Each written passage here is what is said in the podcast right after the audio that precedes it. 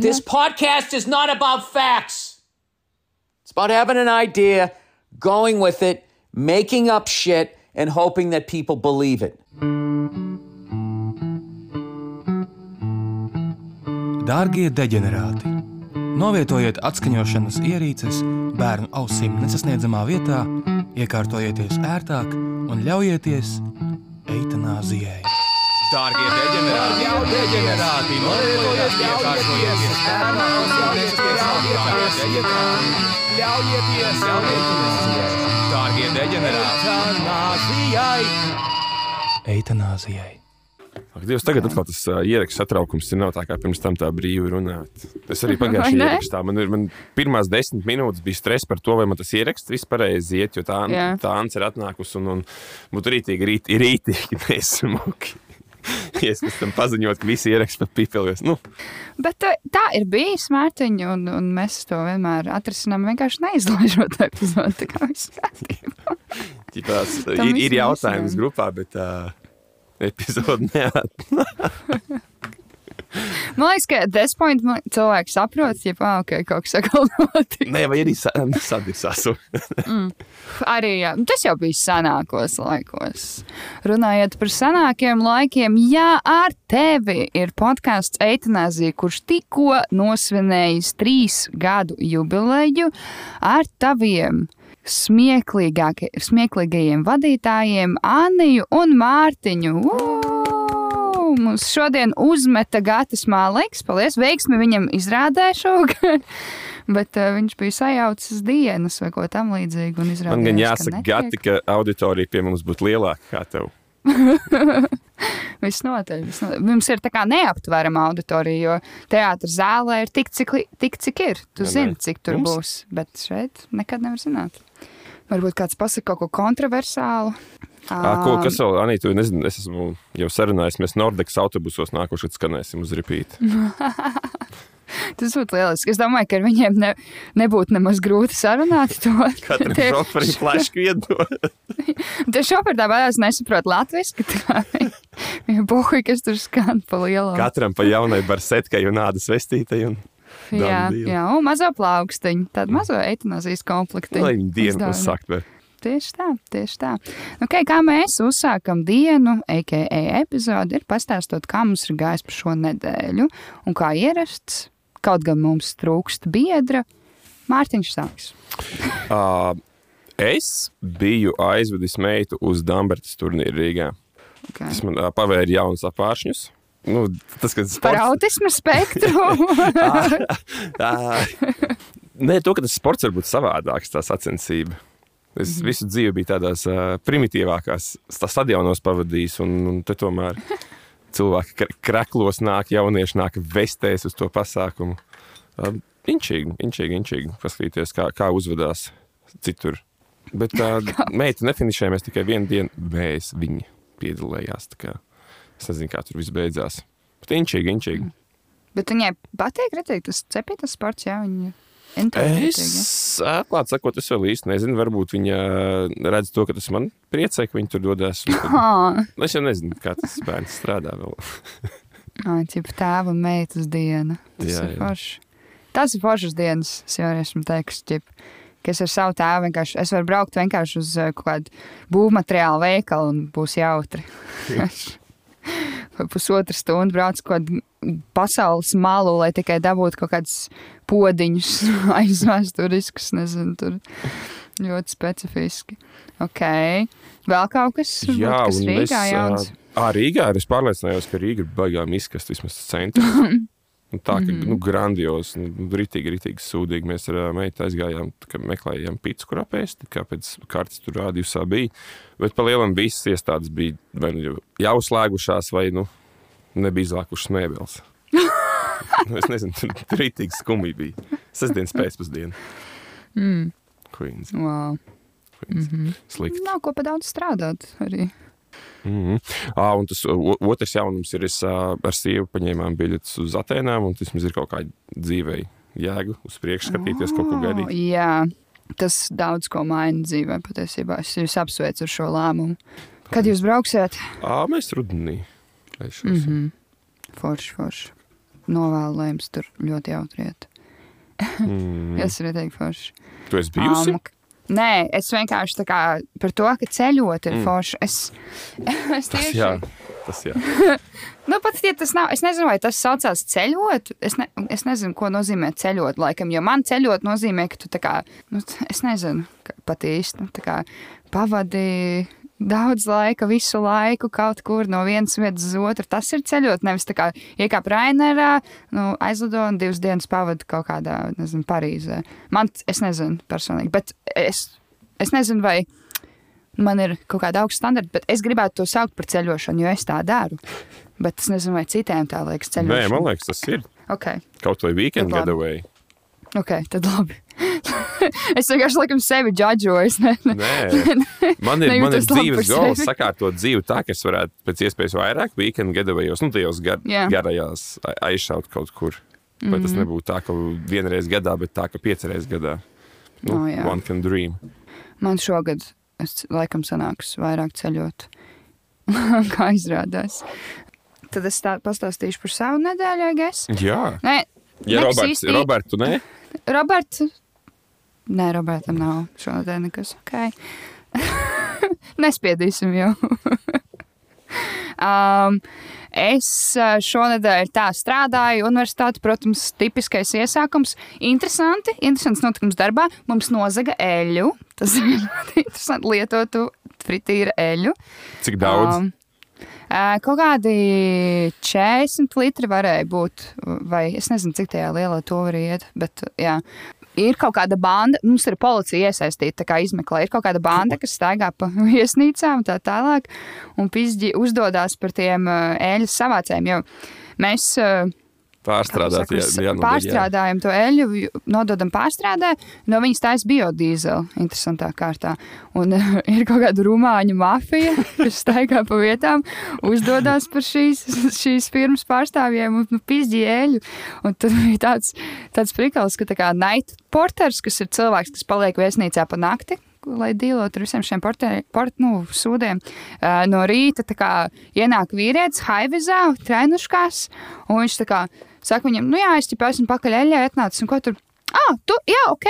Viņš izved to cilvēku pa visu viesnīcu cauri virtuvei mūsu. Uz to eļļas spotu, ķipa, kur viņš stāv, un iedod viņam eļļu. Un, jā, tas bija kaut kāda jā, 100 poundu vērtībā, laikam. Bet tas vienkārši tik smieklīgi. Es nākamā dienā to čoku satiku. Mums ir pāri ielai tāds ibis hotels, un es viņam saku, tev šonakt tavs uzdevums ir nopizdīt no ibis eļu. Lai... Vai arī, ķipa, nu, ko tu šodien, šodien iznesīsi no viesnīcas ar bandītiem. Bet, uh, jā, tas bija smieklīgi. Tagad mums tur ir tik, obligāti visas durvis vajag aizslēgt, ciet, un vēl kaut ko tādu. Man priekšnieks tāda, nu, tā kā head chef, viņa saka, plē, ja te čūki būtu pie manis atnākuši, es viņiem būtu pa 20 poundiem atdevusi to nepīs. Tik smieklīgi. Kas vēl tāds? Nopirku, nevis nopirku, bet uh, nobukoju mums un meitenēm uh, Airbnb Romā. Tā kā tas bija interesants process. Jo pirmkārt, man bija jāsagaida, kad man ienāks alga. Otrakārt, mums ir ļoti kā, specifiskas vajadzības. Es tieši gribēju, kā jūs saskaņojāt to? Tieši tā.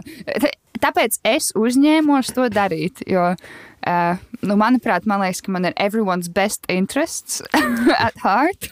Ķipa, um, kā es skatījos pirmkārt, uh, lai tas Airbnb ir nu, normāli paskata, ķipa, ir normāli reviews un tādā garā.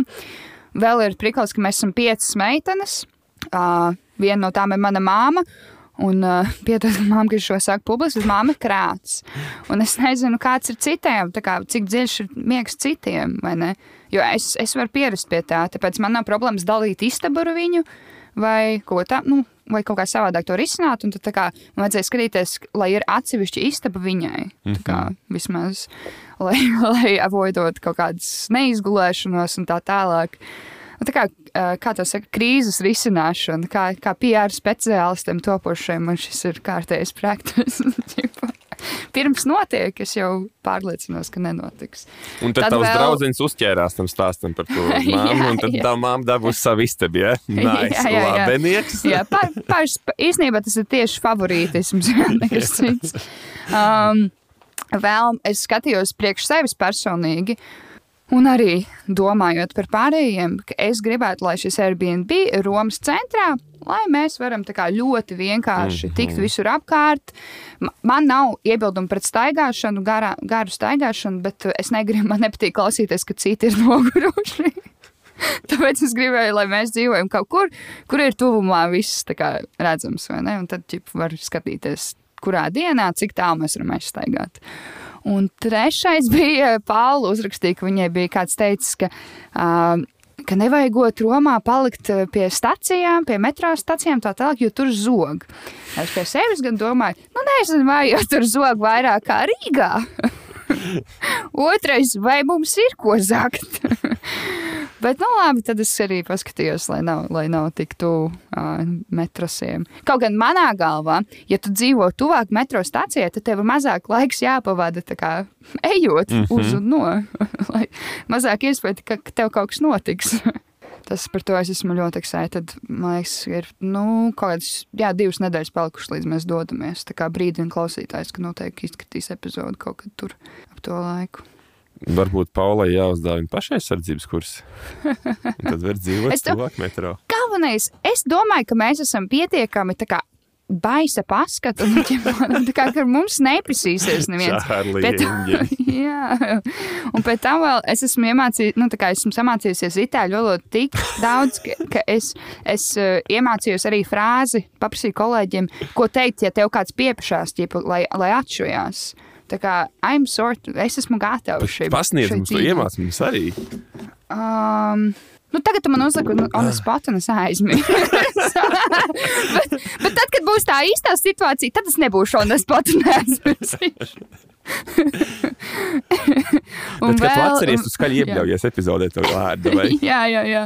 Kaut kā tur bija Lašāmo, uh, nu, kaut kā tam līdzīgi, ja lietas, lietas man mierā. Sijas. Un karačs pohuj. Okay. Pirmkārt, when in doubt, kliedz krieviski kaut ko. Bļaļ, suga, tu čo nahuj? Vēl kaut kur bija tas laiks, jāsaka drēbes lūk nost pa vienai. Tas cilvēks, kā, viņš ir tik apjūk. Šito man, atgādina to. Uh, Kā tur bija Achilles cutting, Swedish stories, Achilles cutting. Varbūt tā meitene tā darīja. Toreiz. Tāpēc viņa bija plika uz ielas, jo viņai kāds čigāns pienāca klāt. Bet jā, kopumā es esmu excited par šo visu. Un tad ir, uh, un tad ir uh, protams, va- vakar Bejons izziņoja tūri. Un uh, es ļoti, ļoti gribu iet uz savu koncertu. Ja kāds grib man uh, dāvināt uh, uz 30 gadu jubileju kaut ko, droši varat uh, kaut kādā veidā uzdāvināt man biļeti uz Bejons koncertu, vai arī vienkārši kā naudu. Nē, nu kāpēc tik piezemēta divas tev un tu šodien pat neesi uz koncertu? Nu, biļetes. kā minimums piecas, es teikšu, jo man ir mans posms, kas jāvada līdzi visur.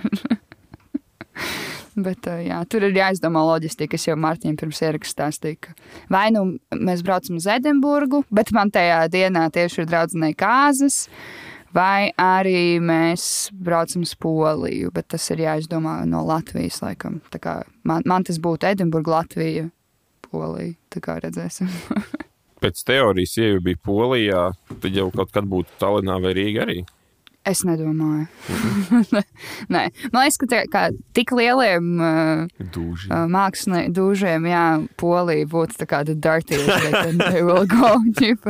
Tā kā es, tā, tā kā es teicu toreiz, ģipa, kad Megan, ne, Esa Brokijs un Megan Stallion bija pozitīvusā, ka tā kā baumoja, ka Esa Brokijs, nu viņš ir uh, kopā ar Riānu, un viņiem bērniņš, un ģipa, bija baumas, ka viņa ar viņu brauks kopā uz Rīgu, un tad, kad es teicu, iedomājies, viņai, bļā, jābrauc ar to pretīgi, ģipa, no lidostas ar to, bļaļ.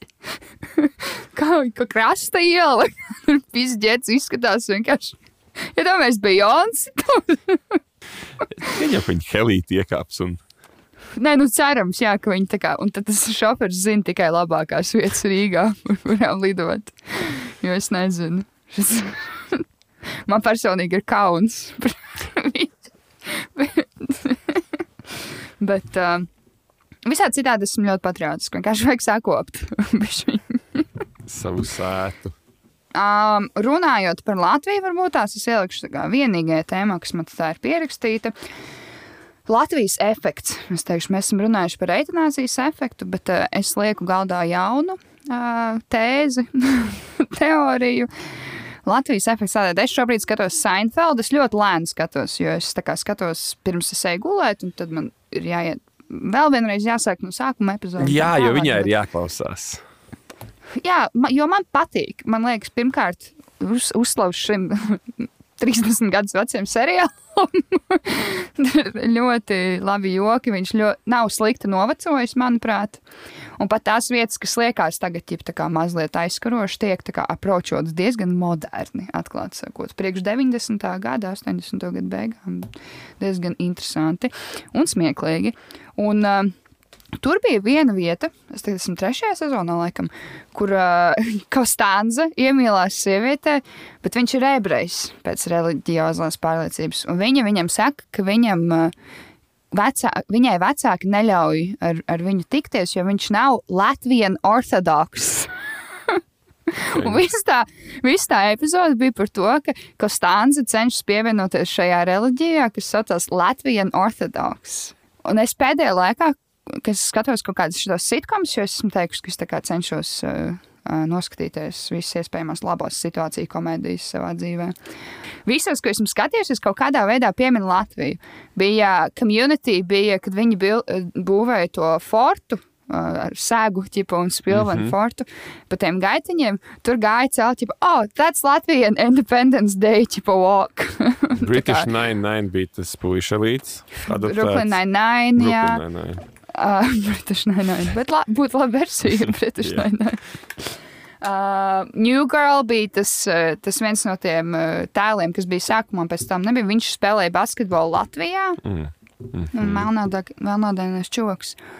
Oficiālā man liekas, ka nebija pieminēts, cik es atceros.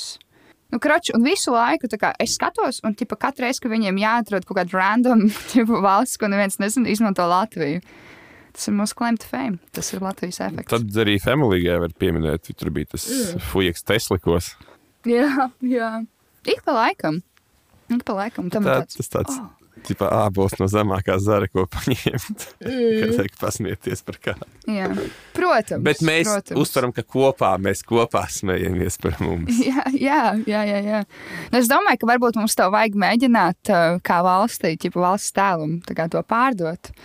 Tā kā, hei, mēs esam tā, tā, ķipa, jocīgā valsts. Bet tajā San- Seinfeldā, jā, tur clearly, tā kā, es nezinu, vai Latvijā ir tāds, tā kā tāda reliģija Latvija ortodoks, tā vienkārši ir Krievu, ķipa, pareizticīga. Cik es zinu. Yes, vai vec, veci cīmnieki moškā vēl kaut kā. Es pat nezinu, Mm. kas tie bija. Es neesmu tik zinoša Latvijas Jā. reliģijās. Dievu tur ir Oh. moškā, tie kaut, kaut, kas tāds tas varētu vēl. Es pat nezinu, kas tie tādi īsti ir. Dievu tur, man liekas, ka vienkārši nacistiem ķipa attaisnojums. Par Vēl viens ķipa klubiņš. Es neesmu pētījusi, bet... Man liekas, ka tas vienkārši ir tā kā vēl viens get together NA faniem.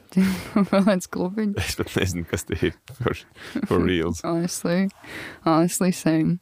Bet jā, tajā viņi bija tā kā tajā krievu ortodoks tipu tajās cepurēs un tam līdzīgi tajā mm. Seinfeldā. Bet mm -hmm. iesaki, ja tu neesi vēl redzējis Seinfeldu savā dzīvē. Es tad esmu divas, laiks. man liekas, pusotru, divas sezonas noskatījies. Es tieši gribēju pieminēt, ka tur tāds arī man aktuāls problēmas tiek risināts. Jā. Terapeitisks tas seriāls ir. Jā, jā, noteikti.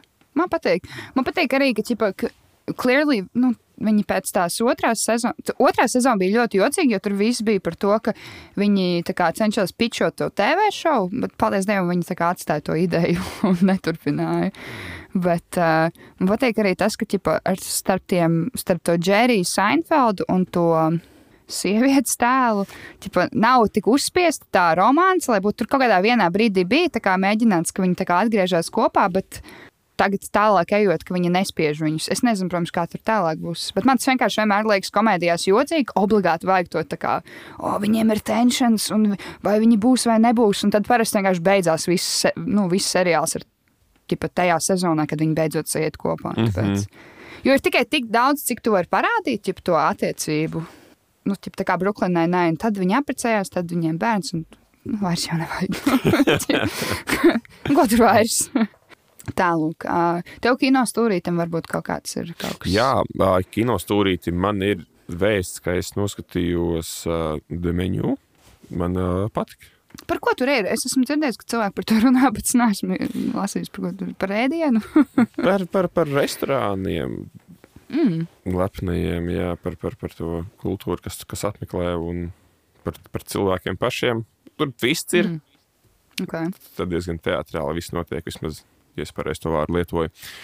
Uh, man tikai zinu, kas par huņu bija. Man prasījās, bija kvalitīvāk, tu seriāli varēja šur tur kaut kādas kasekas redzēt. Nu, ja, Mhm. ja es viņus redzu, es domāju, cilvēki, kas kaut ko vairāk saprot, viņiem sāp.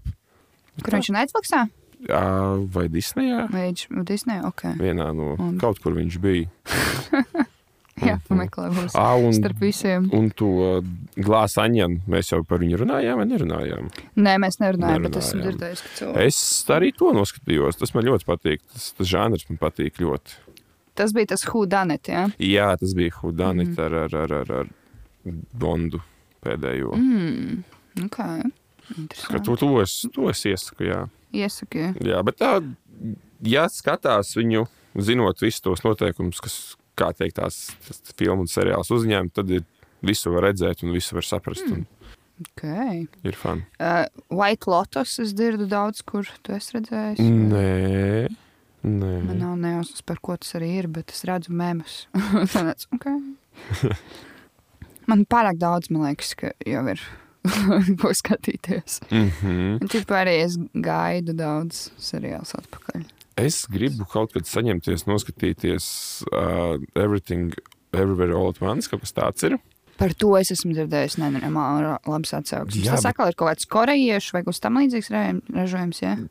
Es īsti nezinu, tur laikam ir rītīgi viss kaut kāds sekšanas notiek. Un tas laikam ir jaunais žanrs, tagad teica korejiešu un indiešu, un kur viss kaut kas notiek. Tagad ir vairākas, kas pēc, pēc recenzijām lasu tādas, kur visu laiku akcents notiek, visu laiku tiek kaut kas pušots. Izskatās, ka režisori ir grūti gan pateikt. Bet aktieri lielākoties ir eh, izskatās Āzijas izcelsmes. Okay. Outsourcojuši tur lētāk. Jā, tur rakstīts American absurdist comedy, comedy drama film. Interesanti. A plot centers on a Chinese American immigrant. Ok. Nu, jā. Es, jā, varbūt to būtu vērts noskatīties. Pat īstenībā. Un kas ir tā, par ko teica seriāls, laikam, kur ir vienalga, kur epizode un kādā secībā tu skaties? Kas tas bija? Par ko tas bija? Tas varētu būt tas White Lotus. Ok, nebija. Es man nav ne godvārds, nav ne jausmas. Esmu ļoti atrauta no tas saturs vi- ir tik Jā, daudz, laika ir tik maz. Exactly. Jā. Tieši tagad mēs esam post-covid pasaulē, kur viss vienkārši tā grūž rīklē. Mums tagad arī bija universitātē vienkārši. Nākošais gads, bija disertācija, tagad bija pavasarī jāpis šis te praksa jāiet. Es domāju, kāpēc jūs man stresināt ārā? Man vēl ir tā kā šajā semestrī ko darīt. Tirs. Bet mans izvēles priekšmets ir ļoti labs. Es eju, uh, izvēlējos pop, pop uh, mūziku. Un ļoti interesanti. Tieši pop mūziku. Nu, pop mūzika ir, uh, nav tikai ķipa Beyoncé un, un, um, un uh, Nē. Lady Gaga. Pop mūzika ir uh, ķipa jebkas, kas nav klasiskā mūzika. Bet tā, no Principā. kāda rakursa jūs to mācāties? Kas, kas tiek apskatīts, vērtēts, mācīts? Viņš tagad sāk ar vēsturi. tā kā Viņš mums stāstīja par Adorno, kas bija tāds mūzikas kritiķis, un, un, un kurš kritizēja tā kā pirmā. Nu, tā kā, Varētu teikt, ka laikam pirmais, kas runāja par popkultūru kā tādu, jā, viņš bija haters, tipa the OG hater. Jo viņš tā kā, es arī lasīju pēc tam Twitterī teorijas, ka viņš bija īstenībā rasists, jo viņam tajā, viņš ir uzrakstījis eseju, kur viņš basically nodirž džēza mūziku, viņš nodirž džēza mūziku, jo tur viss tā kā, tur atkārtojas viss, un tas viss ir, jo viņš bija arī marksists, un tad viņš runāja par to, kā, ķipa, šito rada to sūdaino mūziku, lai tie cilvēki, kas iet fabrikā strādāt, jūtās, ka viņiem ir izvēle kaut kāda. Es zinu, un, ka es ķipa, viņu gribēju aizstāvēt, ja nav jau visi rasisti, un, tu tāda, un viņš sarakstīja, es esmu tāds, ok, ja tu sarakstīji, Jā. es fucking Bet, nācijas. nu, vienkārši ķipa tā kā, zin kā, ka tu, Nu, visi tie argumenti, jā, tur, ķipa, ja tu skaties no tāda akadē, no akadēmiskā viedokļa, jā, ok, tu vari saprast, ķipa, tās viņa no marksista viedokļa, marksist, marksismu puses, tā kā, jā, ok, I kinda get what you mean, bet viņš tik ļoti dirsa par to džēzu, ka jā, nu, it's kind of racist, man. Un tu iztēlojies tāds no Vācijas, atbrauc uz Ameriku, ķipa, ebrejs imigrants, ķipa, un tā kā, oh, man nepatīk šī tā mūzika, kur nav violas tā. Tā, bet, uh, jā, tas bija smieklīgi. Un tad nākošais mums laikam ir par, uh, par to, kā video mainīja mūziku, popmūziku, popmūzikas kultūru. un Tā, tā. Tā kā es vēl neesmu noskatījusies lekciju, bet ļoti interesants priekšmets. Nu, ķip, tādā ziņā. Ir tas, tas, tas es domāju, ka kaut kad bija iepriekš teicis, ja Vietnāzijā prikals, kā vienā brīdī sievietes mūzikas video klipos palika kailākas. Tā kailāks, kailāks, un tagad arī viņa joprojām viņas burtiski pelkostīmos arī uzstājās. Jā. Bet tā ir, tā ir, protams. Uh, es redzēju, ka par Samu Smithu bija drāma, bet man liekas, ka tā kā vairāk viņu queer pasaulē nodarš. Nu, tā kā paši geji viņu ēdnos. Viņš tāds uh, tuklīts, kaut kādā fotosesijā bija.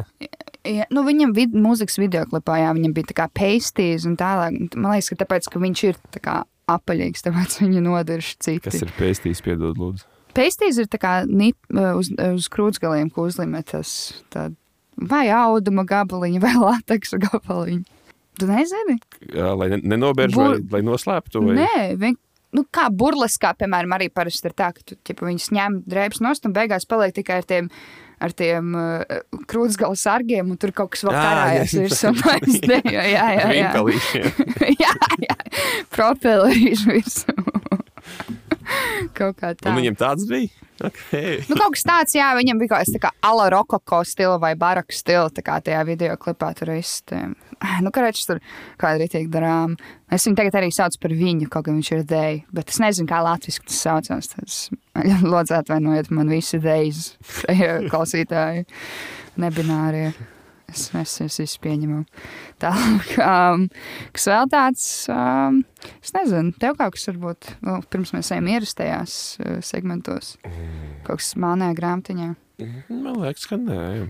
Man Tā nebija kaut par kaut kādiem hadronu te- es, es biju domājis, ja gads būtu pa, parunāt par, ā, par, par Kepleru supernovu. Tur bija Ah, Nu, jā, no ar sievietēm jau nav. Nē, nu, tāpēc, ka tagad gads tad, tad ir rītīgi fāteri panu ielikt pa kaut par Ah. mūsu supernovu. Un tas būtu ļoti paredzams tā saruna. Es zināju, ka tā tas izvērstos. Respektīvi, pirms daudziem simtiem gadu uh, parādījās debesīs uh, Kepleru supernova. Tas ir kaut kur tālu, tālu, tālu 23,000 gaismas gadu attālumā no mums nomira zvaigzne. Uzsprāga, un tad viņa uzplaiksnīja. Un Uz trīs nedēļas debesīs bija redzama ļoti, ļoti, ļoti spoži. Tā kā viņi tur mirguļo. Un, Tagad bija tā kā redzami. Ja? nu, pirms daudziem simtiem gadu. Ah, ok. Nu, jā, un tas, tas, ko es gribēju jautāt, vai nebūtu tik forši tagad, mūsu laikos, šajos turbulentajos laikos, parādītos kaut kas debesīs un sākt aktīvi mirguļot. Es domāju, ka būtu pizdzēts Mārtiņš, not gonna lie.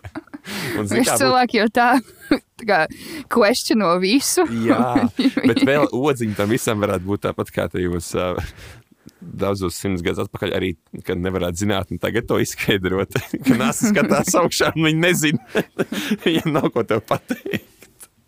Tas būtu dirs, tas būtu dirs, jo viņi vēl arī droši vien neteikt uzreiz, tā kā for PR reasons, jo kamēr nav viss noskaidros, tikmēr nevar.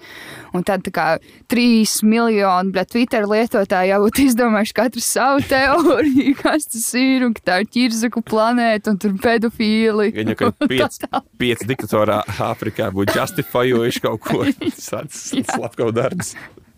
Būtiski. Mums nevajag to lūdzu. Nē. Pietiek. Man liekas, ir pietiekami daudz, par ko strīdēties. Jau mums jau bija rekords šodien strīds par nabadzību. Twitterī Tu redzēji kaut ko. Es redzēju tikai atbalstus, es to rakstu speciāli nelasīju, jo mm. es uh, uzskatu, ka visiem, kas ir dzīvojuši plus mīnus nabadzībā, ir uh, posttraumatiskais sindroms, un viņi to mierīgi, normāli nevar uztvert. Tagad Jā. Mēs varam katrs izvilkt savu nabadzības kārtu un salīdzināt. Es uzaugu 90. gados vientuļai mātei ar vēl diviem brāļiem. Kas ir tava nabadzības kārts? Nu, Man, man jā, jā, līdzīgi. Nu, līdzīgi, tu biji jā, tā, kas jā. savu brāli audzināja. Nu, nu, tad man vieglāk bija, bet tur izstāstīt, kas tur par prikolu bija īsti. Nu, tur bija kračs, lai neiedziļinātos pārāk. Nu, es uh, vienkārši uzlikšu šim, šim savu viedokli, savu toni, kā es to redzēju. Mm -hmm. okay? Es nesaku, ka šis ir tipo Bībele un, un tam līdzīgi. Bet man, pēc maniem uzskatiem tas bija ļoti īsts raksts, kā laikam, lai pievilinātu cilvēkus iet lasīt tālāk tās nabadzības sērijas. Bet uh, man liekas ļoti tendenciozi. Uh, tendenci, tendencios iesaņojums tam visam, jo tā žurnāliste, tā kā viņa bija uzrakstījusi tātad to mazo gabaliņu, kas bija pavēlti pieejams. Un tur bija tātad uh, ievadā. Viņa saka, ka es biju pie vienas uh, citas ģimenes, un es redzēju, ka tur tā, tā sieviete man pasniedz uh, kumelīšu tēju no, no paciņas, no veikala. Tā kā tā vietā, lai viņi būtu aizgājuši salasīt, es šeit jūnāt, Es- ja salasīt kumelītes pati. Ja, bet Varam sākt ar šo katru. Man liekas, ka aizbraukt, salasīt kumelītes ir ļoti fucking middle class hobijs mūsdienās. Nu, ķipa, ja tu strādā bļaģi maksimā 12 stundas dienā, un tev ir bērni, vai ne? Nu, nahuj, bļaģi, tu neies lasīt kaut kādas kumelītes. bļaģi. I'm sorry, laiks ir nauda. Mm -hmm. Otrs punkts bija, ka viņa teica, ka viņai ir smartphones. Bet saka, ka bērni ir nēduši. Smartphones arī mūsdienās, vai tu gribi vai nē, ir fucking nu, kļuvis par nepieciešamību. Vai tas ir jā, nepieciešamāks par ēdienu? Noteikti nē, tas ir diskutējams, bet vienkārši mums uzspiež to, ka mums vajag to jobanu Katram smartphone. cilvēkam mājās vismaz divi, trīs funkcionējoši at- atvilktnēs stāv smartphone. Tas Tas nav svarīgi, jo tu neesi blē, trūkuma cietējis ar blē, salāpītām, linu drēbēm, ķipa, ar alumīniju bļodu rokās. Kam on, Mārtiņ? un vēl bija, ka, ķipa, ka tai sievietei bija geli šnagi arī, un tad viņa par to neuzrakstīja. Tas bija pirmie. tā nav nabadzība, tas ir trešs. Nu, exactly, tā ir galvenā vai ne tā, tam rakstam. Ar to rakstu kopā viņa tā kā. Tas pavadu tvīts, protams, bija ķipa, tā kā sojas latas dzērāji, šito nesapratu. Nu, tā tāds, nu, tā kā, kāpēc tu, nu, tā kā viņa beidz pretī maču, jo es izlasīju visu to rakstu. Pa vidu tur bija Maz, man liekas, mazliet par maz, bet tur bija tā kā mazliet skaidrojums, vai ne apskatīts, kā, kāpēc mums ir tāda nabadzība, vai ne, ka mums ir tā kā. Nevar prasīt pie, uh, vairāk nodokļus, jo cilvēkiem nav no kā samaksāt tos. Nu, kroči, viss ir savā valstī. Bet tas, ka tu sāc to rakstu ar to, vienkārši aizēno, ka tu kā, uh, pacēl nopietnus punktus. Mm -hmm. Un es nezinu, vai tas ir tikai tāpēc, ka tas ir ģipa, kaut kāds portāla formāts, bet man tā neliekas personīgi tā kā nopietna žurnālistika. Kaut gan viņi tur ir, blēd, nu, tur zaibīs, uzskata, ka ir cilvēki. Nu, tā kā- kahunē. Jo tu nevari kā teikt, ka tu esi objektīvs žurnālists un tad uh, iesākt savu rakstu ar value judgment par cilvēku. Jo tev neliekās, tu netaisītu gelišu nagus. Bet tu nezini, kā, liekas- varbūt tā sieviete piepelnās kaut kādā bļaģi roku porno un viņai Nē, vajag darbu. Man liekas, jocīgi, tu aprakstīji tā kā, nu, trūkumcieties, tā varētu teikt. Ja? Jā. Un tad tu brīnies par viņu finanšu neprātību, neizglītību. Nu, on, tāpēc exactly. viņi ir tur, ka viņiem ir stulbi pirkums, stulbi lēmumi. Tur jau tā lieta, tieši bija raksts par to. eh, Bija kaut kāds cits cilvēks, man liekas, Guardian rakstu iešērojis, kas runā tieši par to, ko tu saki. Kāpēc nabadzīgi cilvēki izdara kā finansiāli nepārāk gudrus lēmumus. ķip.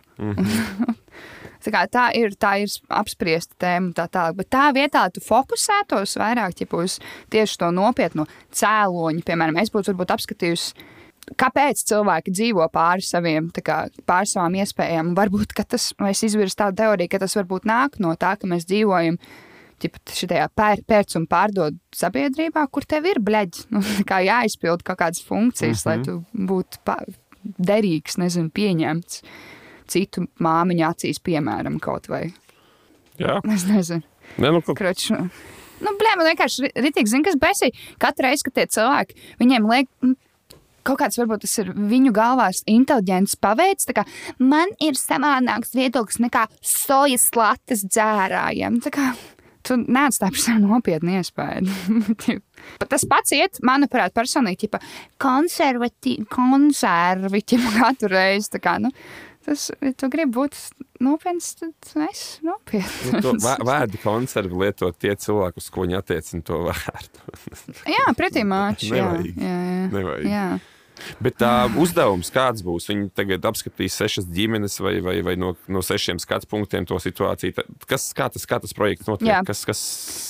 Nu, tagad tur būs tā sērija, kur uh, ap, nu, tieši intervē un pastāsta par tām dzīvēm tiem cilvēkiem. Man liekas, ka tur bija kaut kāda vairāk bērnu māmiņu, un tur jau atkal bija komentārs. Nahu, jā, jā, tā ir blēd 12 bērni, ir, ja tev nav naudas. Hm, kā tev liekas? Kāda varētu būt? Kas, hmm. Bet tad atkal, nahu, tos bērnus ir jāgalina, ja mēs runājam par abortiem. Slepkavo bērnu. Nu, tipa nav, nav uzvaras šajā, šajā karā. Un tad tāpēc ir jājūdzas nost. Bet tur kāds stāstījis bija tāds ritīgi, ritīgi hāršs. Es neesmu lasījis, es redzēju tikai vienu. Man liekas, ka nav arī tā kā visa tā sērija izlaista. Es eh, redzēju to, to vienu par, par sievieti, lauko, par sievieti, kurai bija tie daudzie bērni. Bet, nu, tas pārējais viss ir aiz paywall, protams. Un blē, pīsaties nahu. Savu paywalliem. No dēlpiem vienkārši ir tā, ka ķip, es arī redzēju tvītu, man bija lī, līdzīga situācija. Tu viņiem tā kā sākumā maksā tikai vienu eiro lūdzu, un pēc tam jau tev katru mēnesi paliek lielāks tas rēķins, un tu nekad ne, ai, vienmēr aizmirsti tā kā atcelt. Zini, kā, es, es ceru, ka tā, ka tā būs. Tas, protams, nebūtu beigas smuka, bet tā būs, ka beigās ir tas uh, atbalsts. Medijiem mm -hmm. ir vai ne valsts, tad ir taču tāds vai ne. Varētu būt, jā. Respektīvi, ka tas noseks to viņu kļančīšanu pēc man Ērika. Nu, Varbūt. aizvāks to paywall. un Tad mēs, Varbūt. mēs, Nu, tad, kad sievietes laukos beigs gelišus taisīt, tad, tad var būt tās. Tad var būt tās. Tā, tā īsumā es nezinu. Bet tur droši iet paskatīties pats, ja tu vēlēsies. es ceru, ka būs vēl, ka šis rezonēs.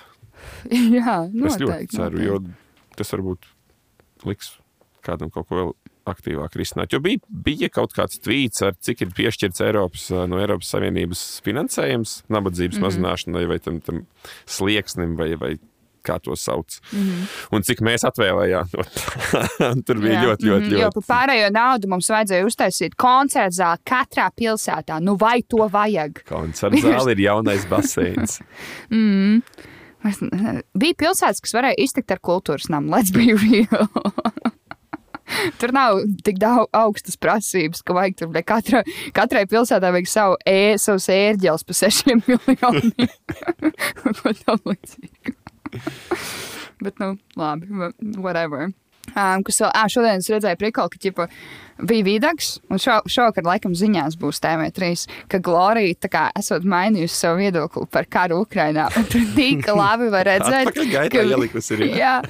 bet tur var tik skaidri un gaiši redzēt, ka viņai ir piezvanījis Jānis Bērziņš no valsts drošības dienas, vai arī viņa ir pabijusi tajā miklajā kabinetā. Paļubomu. Ja viņa, nu, nu jā, Ukrainas tauta ciešas 21. gadā. Es, kā jau daudzi citi, ģibā, nezināju, pieņemu, ka tur paši ar sevi un vēl kaut ko. Bet cilvēki var mainīt savas domas. Un šis ir interesants punkts. Va, jā, cilvēki var mainīt domas. Bet kā, kā mēs varam zināt, ka tu ģenuīni mainīji savas domas, vai tev lika vīrieši uzvalkos mainīt savas domas? Nezinu. Tas man liekas interesanti.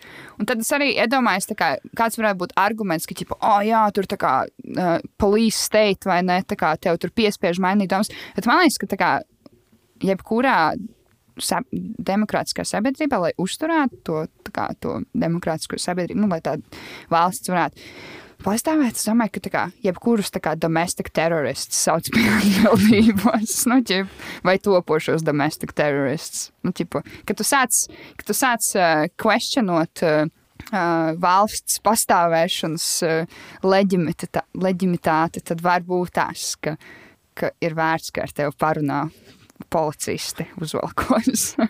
Varbūt viņi tā kā, viņi teorētiski, ja viņi aiztur, viņi var arī aizturēt, nu, tā kā uz viņa dienu, divām. Ne? viņi, man liekas, ka viņi vienkārši citreiz pasauc cilvēks parunāties. Nu, jā, Nē, nu, tieši tā, viņš, viņš šobrīd PR. pasaules pārnāties un parādīja, kur viņi var tikt izmitināti uz divām sutkām. Nu, es, ja tev jā. parāda, es domāju, ka tev baigi negribās 48 stundas, ja tu redzi to, ka, nu, ja tu tiešām tik ļoti tic tam, ko tu saki. Viņa tā, "A jūs telefonu arī ņemat nost? jā, Glorija. Jā, Grefcevs gre- mēs ņemam telefonu arī, diemžēl. Jā. Tā. A, nu labi, tad slava Ukraiņai. Jums tā ļoti labi gaisma tiktokam. Ļoti labi gaismi vienkārši tiktokiem. Bļaļ, tas tik rēcīgi, bet uh, nu, tam cilvēkam nav nevienas svaigas savas domas galvā, tāpēc. Jā, vajag. Jā, nu, ja vajag cilvēkiem uzvalkos tev pateikt, tad vajag. Inčīgi, ka viņi ir spējuši sevi trīs nedēļas virsrakstos noturēt, kas, manuprāt, ir mūsu laikos ļoti, ļoti iespaidīgi. Atklāti sakot, es vairāk, man viņa liekas interesantāk nekā Dīdriksone vai Olga Kampala. Es vairāk lasītu par Gloriju, man liekas. Glorijas padomi. Jo ret, retā, retā sieviete politikā var, var, var lepoties ar izcelsmi no sex work uz, uz parlamentu. Jā, Tas ir interesanti. Nu, tā ir interesants stāsts. bet tīri interesi pēc viņi ir kādā uh, padomē, komisijā, kas ir kā, nu, lemj par to sociālo slāni. Mm. Kurus varētu paskatīties? Glorija. Glorija Grevcova. Es tagad, tagad devos advokātu spēlēt, cerībā, ka vismaz varbūt viņi. Nu, savām- nav nekāda teikšana, vai ne? Nē, nu, vairāk viņi varbūt savus kolēģus māsas aizstāv. Kur tā varētu? Varētu droši vien būt, ka saimnes mājaslapā ir kaut kas tāds. ne? To. Kurš dzimšanas gads viņi ir? Ja tur atrod viņu. Jā, piedar, fucking, es joprojām ne, netieku pāri, ka mums ir uh, Mārcis Jensins saimā. Tā, komisijas. Oh. Viņa ir cilvēktiesība un sabiedrisko lietu komisijā. Paldies! Cilvēktiesība. Kā arī pilsonības, migrācijas un sabiedrības saliedētības komisijā. Viņa ir arī apakškomisijā, kas ir Sociālo un darba lietu komisija, nevienlīdzības mazināšanas apakškomisija. Mm. Uh, deputātu grupas, viņa ir onkoloģijas atbalsta deputātu grupā. Nu, katrs, domāju, visiem vajadzētu atbalstīt onkoloģiju. Un deputātu grupu, grupas sadarbības veicināšanai ar Francijas parlamentu. Ko? Viņa ir dzimusi 1988. gadā. Okay. Viņas palīgs ir Kristaps Ozoliņš. Kas Kas viņas partneris? Pār, deputāta palīgs. palīgs. Ok, Okay, nu, sorry. arī partneris, bet uh, es domāju, ka tas ir frowned upon tādas attiecības. Saimā. Bet uh, jā, jā, tā kā redzēsim, redzēsim kas teiks. Nē, izklausās, ka tāds ā, ļoti adekvāts cilvēks, ko sūtīt ā, ar Franciju, ne ar Vāciju. Vāciju. Francija, Francija. Ah, Francija? Jā, Ok, jā. ar Franciju. Jā. Viņas, viņas franču valodas zināšanas aprobežojas ar menāžu tro. Jā, es teikšu. Voulez-vous coucher avec, avec moi ce soir? Tik tādi low-hanging fruits podkāstā eitanāzija. Paldies! Paldies! Mēs esam rītīgi labi apļāpājuši. Domāju, ka laiks heitanāzijai kaut kas heitojams varbūt šonadēļ iepazīstināšu varbūt jaunus klausītājus. Šis ir segments, kurā mēs padalāmies ar vienu lietu, ko mēs šonadēļ ļoti ienīstam.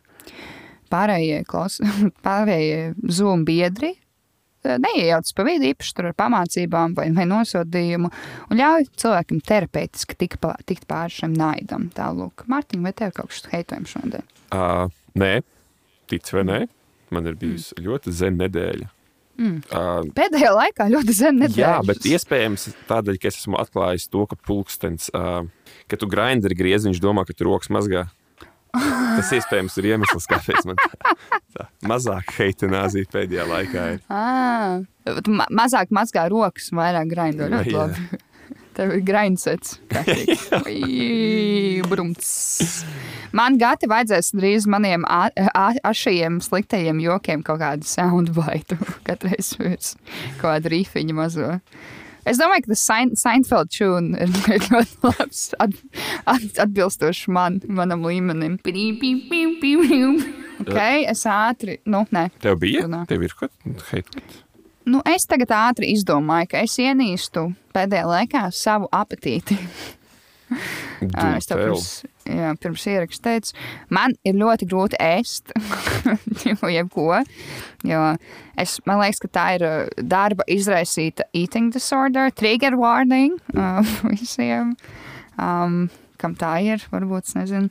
Bet uh, man neko nekārojās parasti, un man viss ir iebjās, un es nekad nezinu, ko es gribu ēst. Un tā nav reāli tā kā man, kā, oh, esmu vecene, un es nekad nevaru izdomāt. Tā kā esmu redzējis visu ēdienu, es esmu pagaršojis visu ēdienu, un es visu dienu redzu ēdienu, un es neko citu nedaru, kā bāžu mutē ēšu tos te kartupeļus pa dienu, free. Um, darbiņā. Un tad pēdējā laikā man ir sākus, sācies tāds craving, ka es ļoti, ļoti visu laiku domāju par steiku. Nemitīgi. Un šodien es pirms ierakstu arī ēdu steiku, spinātus un brokoļus, jo man rītīgi krēvojas. Man liekas, ka man trūks dzelzs vienkārši. Mans ķermenis man saka, meitenīt. meitenīt, lūdzu, kaut ko. Bet, um, jā, man besīk, ka tā ir. Man besīk, ka Varbūt es dzīvoju tādā valstī, kur nav apetētīgs ēdiens, es nezinu, bet um, jā, man ir grūti. Bet man te pašā laikā arī visu laiku ir domas, o, ja es ēdīšu kārtīgi, tad es būšu resna, un tas ir itīgi nepareizi. ķip, Tas nav veselīgi. Tā domāt, un tāpēc heitošu šo prātu stāvokli. Paldies! Paldies tev! Bet es jūtos katru reizi, kad es ēdu savu, tā kā pēdējās dienas es ēdu savu tā kā steiku, savu, savu spinātu, un kā esmu ritīgs papājs. ķip. Un es ritīgi katru reizi domāju, ka es esmu ritīgs, tipa alfa. tā kā top G. Tā kā vīrieši, ja jūs jūtaties apmaldījušies dzīvē, vai jūs nezināt īsti atbildes uz dzīves jautājumiem, griezieties pie manis, jo es esmu Top full G. on testosterona, sarkana gaļa, pilna top G. Tā. Bet es par to, to ka uh, ir pagaršots viss un neko citu nu, mm. nav. Nevis, nevis, Vai arī es nevaru atļauties Bet es tieši gribēju teikt, mēs nevaram atļauties savu ēstgribu. Jā, Es, tagad, es, es pēdējā laikā ar vien biežāk esmu mēdzi, tāpēc ka es, es tā, tā kā tas stikers, es tādā mājā nedzīvošu. jā. es tādu sūdēju, nedīšu. Jā, Tāpēc, ka man, man un tev ir tā kā nav nabadzīgā bērnu sindroms visu dzīvi. Ka mēs gribam būt miljonāri tagad. bet pēc tam jau arī, nu, iedomājies, nu, arī nu, ir diezgan man liekas, grūti kaut ko jaunu atklāt, nu, ir, jā. kad tev ir rītīgi viss pieejams. Bet tad man ir arī tādas lietas, kas man nu, spēcīgi negaršo. Tā kā personīgi es zinu, ka šis būs kontroversiāls, man ir riebs paprika. Es, nu, es viņu ē, ēdu pieklājības pēc, ja, ja kāds cits man dod viņu ēst, bet man riebs, pa- es neizvēlētos ēst papriku vienkārši. Interesanti. nedalšīs, jā. Un Avokado es arī tā kā neju ārpus savu ceļu, lai ēstu. Es ēstu, es ēstu guacamole, vai ne, ja viņi būtu. Mm -hmm. Kāds man uzliek galdā, tur, un tur ir guacamole, un nav nekā cita, kur pamērcēt čipons. Jā. Guacamole, muy bien. Bet Nu, labi, paprika, man liekas, ir specifisks. man liekas, ka man vienkārši tā kā bērnībā, varbūt māma visur lika papriku, jo varbūt tas, ka tajā laikā paprika bija rītīgs, ķipa, stilīgs dārzenis, es nezinu. Bet visu manu dzīvi. es padomju Jā. laikos kaut kas varēja kļūt vienkārši Jā, stilīgs. jo, jo man, man, es uzaugu ar papriku vienkārši esot visu laiku manā dzīvē. Tas man ir iebis. Taču tā ir kaut kāds pildīts papriks arī ar kaut kādām gaļām. un Šeit. Jā, man ir iebis. Un šodien vēl es domāju pie sevis, ka man ir iebis maltā gaļu. Viņi vienmēr ir savs. Ja viņi nav kotlets formātā, tad nerunā ar mani.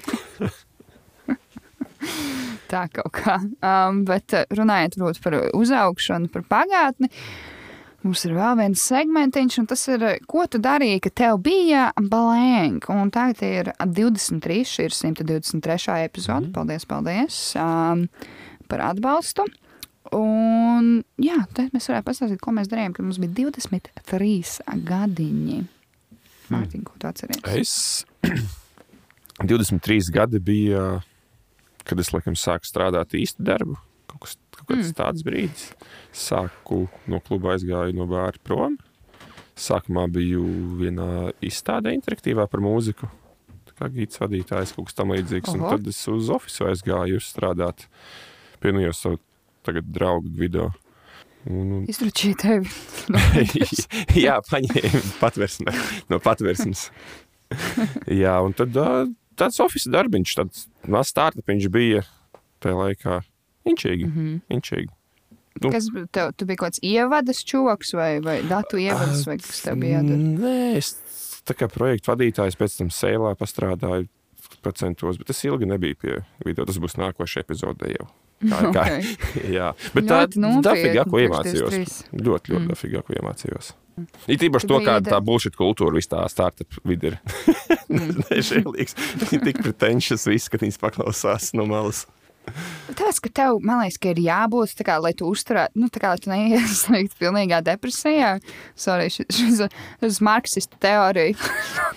no marksistu viedokļa. Un, ķipa, nu, ka kā tev ir jāuztur tas, tas imidžs, ka, ķipa, nu, es neesmu vienkārši kā kaut kāds losers, kogana mašīna. Man ir, ķipa, jāizpild kaut kāds funkcijas, jāvelk tur kaut kāds some sort of outfit, tev ir jāpiedalās tajā oficiālā kultūrā. Jā, un viņi paši sev izdomā noteikumus, kur viņiem pašiem ir jā, Jā, jā, jāievēro. Tas ir. Jā. Tas ir tādiem cilvēkiem, kas ir mākslinieki, kā mēs. mēs tas, tas mums nav saprotams. Nē, bet tā, ja tu tos, ja tu no malas vēro noteikumus zini, tad tu dancī var piedalīties un spēlēt. Nu, exactly, bet... Ļoti pareizs dancis, jā, man patīk. Man patīk. Um, It's one o'clock.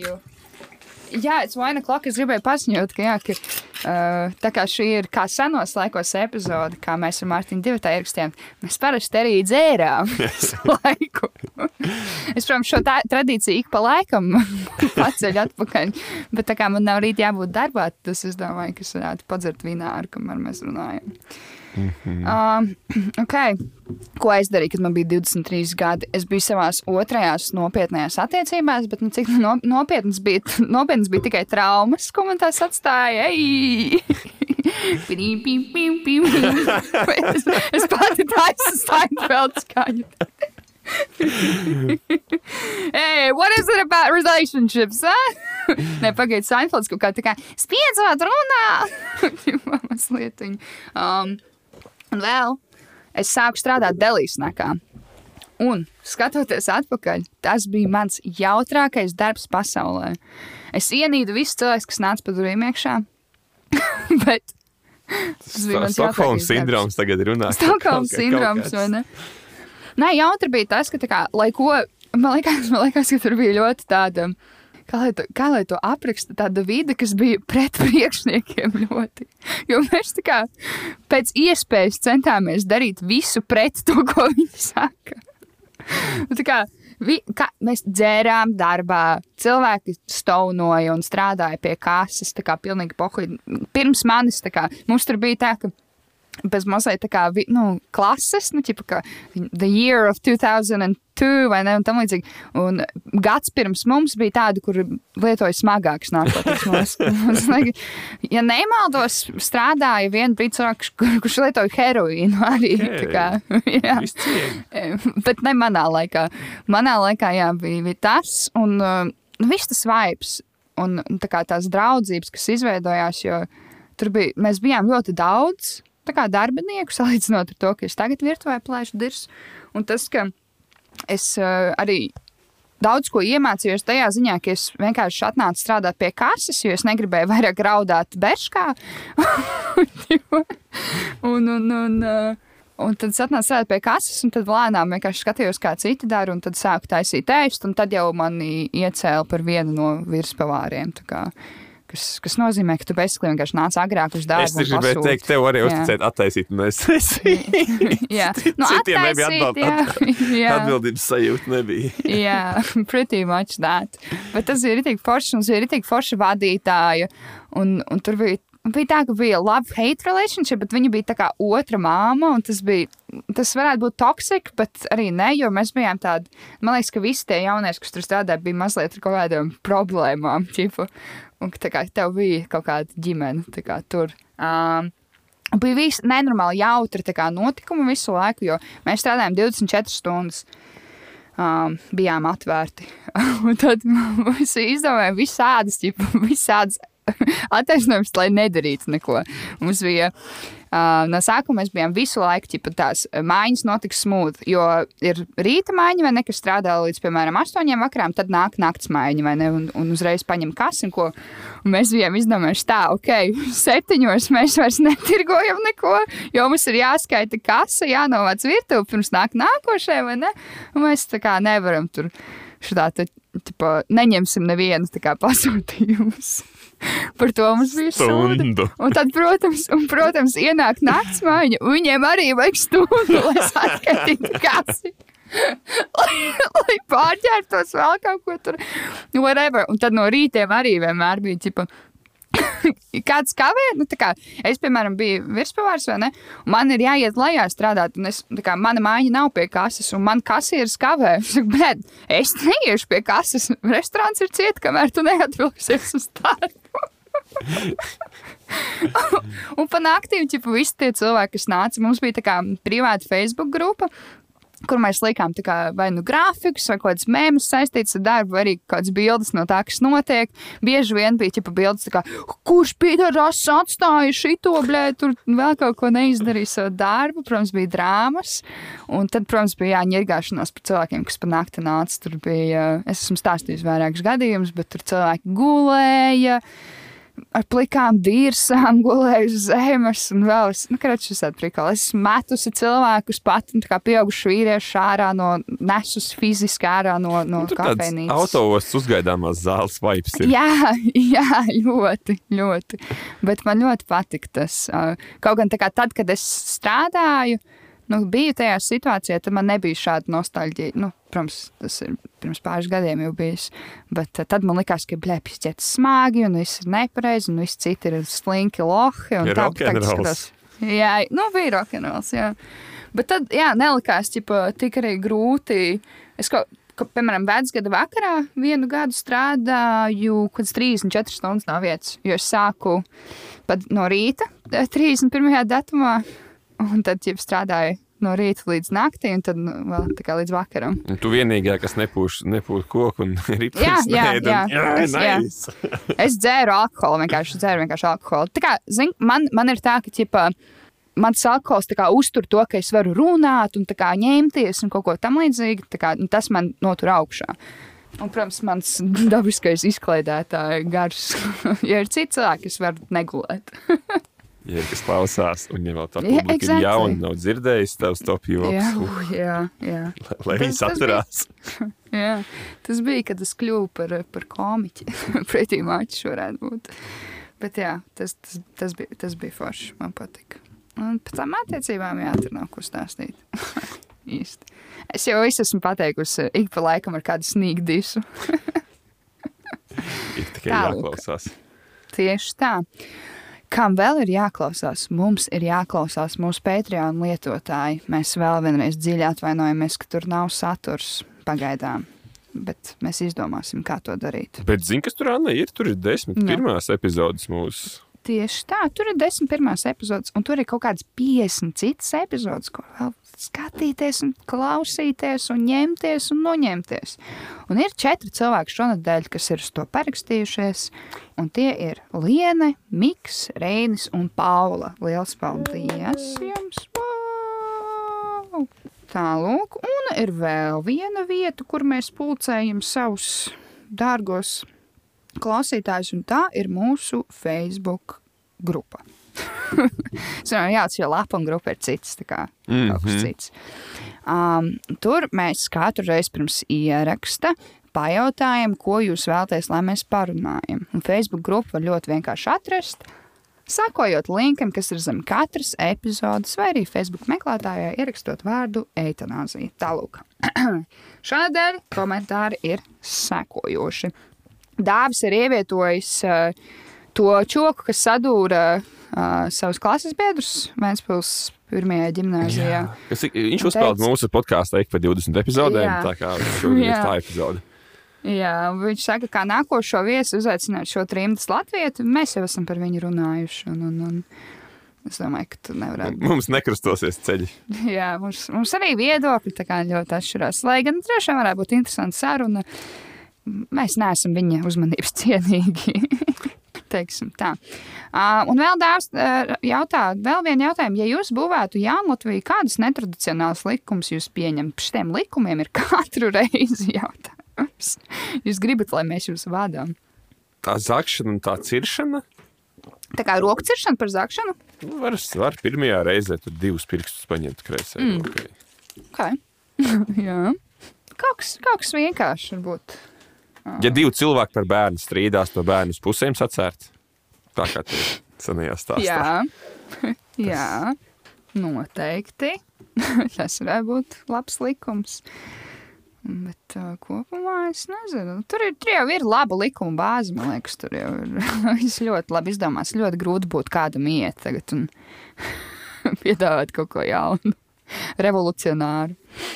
Uh, Dairis raksta, vai aizbraucot ceļojumā uz Āfriku, obligāti jāizjāja, piemēram, kamielis, zilonis, delfins vai cits cilvēks, fu, dzīvnieks, kam ir, kam mugurā ir sēdvieta, vai tomēr jāļaujas vietējiem gidam, lai ar auto izvedo pa objektiem. Es neesmu bijis Āfrikā, Mārtiņ. Nē, es, es kaut kad sievietē teicu, ka, cik es saprotu, uz tiem ziloņiem ir ļoti kā, neforši jāķo tos ziloņus. Mm. Fucking moca un sit un tur nebrīvēs un ritīgi nav cool. Un tāpēc Jā. nebūs tas prieks ar, Jā. ar ziloni izjūt. Viņš drīzāk nebūs uh, audzināts. Uh, Montesori metodēs, brīvā vidē. Un, un Free range zilonis. Jā, un kad viņš sagrib, tad viņš man izvizinās par simts bakšiem. Nu, tādiem žēl nebūs, lai kā gribētos. Jā. Mēs esam ētiski ceļotāji. Bet tas nav obligāti noteikti. Vienkārši tas ir tipa fotoaps liels. Nē, var, var neiedomāties to, kā tu uz ziloņas slāni, bet jā, man kaut kā ir palicis atmiņā tie pāris video, kur redz, kā viņas dresē jā. un fuck, žēl tos dzīvniekus. Jā, mēs esam. Labāk kāpt džipā un sēdēt būrītī džipā un skatīties. Mm. Tas gan ir kaut kas, ko es gribētu jebkurā valstī. Nezinu, nu, labāk jau ķipa, valstī, kur tie dzīvnieki ir dabiski iemītnieki, ar safārī braukt. Jo tad tu, kā, tas nav tik intrusīvi, ja tu, nu, viņi nav, piemēram, zoodārzā, kur, kur tu vienkārši skaties uz viņiem būriem, tu esi būrī un kā, skaties no malas viņus, viņu vidē. Man liekas, tas ir mazliet veselīgāk. Jā. Es skatos, ka Kālis Čilkuts ir Āfrikā un es sakoju viņa Instagram storijiem ļoti interesanti. Tur, kā, viņš laikam ir Ugandā, es neesmu mm -hmm. droša, bet tur bija video, kur pērtiķi kā, sēž uz šoseis vienkārši kā, kā priekšnieki. Tas viss smieklīgi, ritīgi. Yep. Forši. Bet es, kā, cik zinu, tad Mārcis ir ritīgi dusmīgi dzīvnieki. Nu, bet rightfully so, es domāju. Līga raksta, vai Anija Iesus Bejonas konts, nu mēs pie tā strādājam. Vēlreiz atgādinu, dzimšanas dienas fonds ir atvērts. Zobrati griežas. Jebkur, jā, jā. Notiks sanāksmes, kankaru māsu sapulces, un mēs šo visu atradīsim. Izdomāsim, manifestējam. Vīlis raksta, kāds ir ex-debējas iedeguma noslēpums un ievietojis bildi, kur uh, kur ekstebējis Twitterī. Starp citu, nezināju, ka viņš ir Twitter Nopietni? lietojis. Jā, Reāli tāda draza nāk Twitterī jau, jā?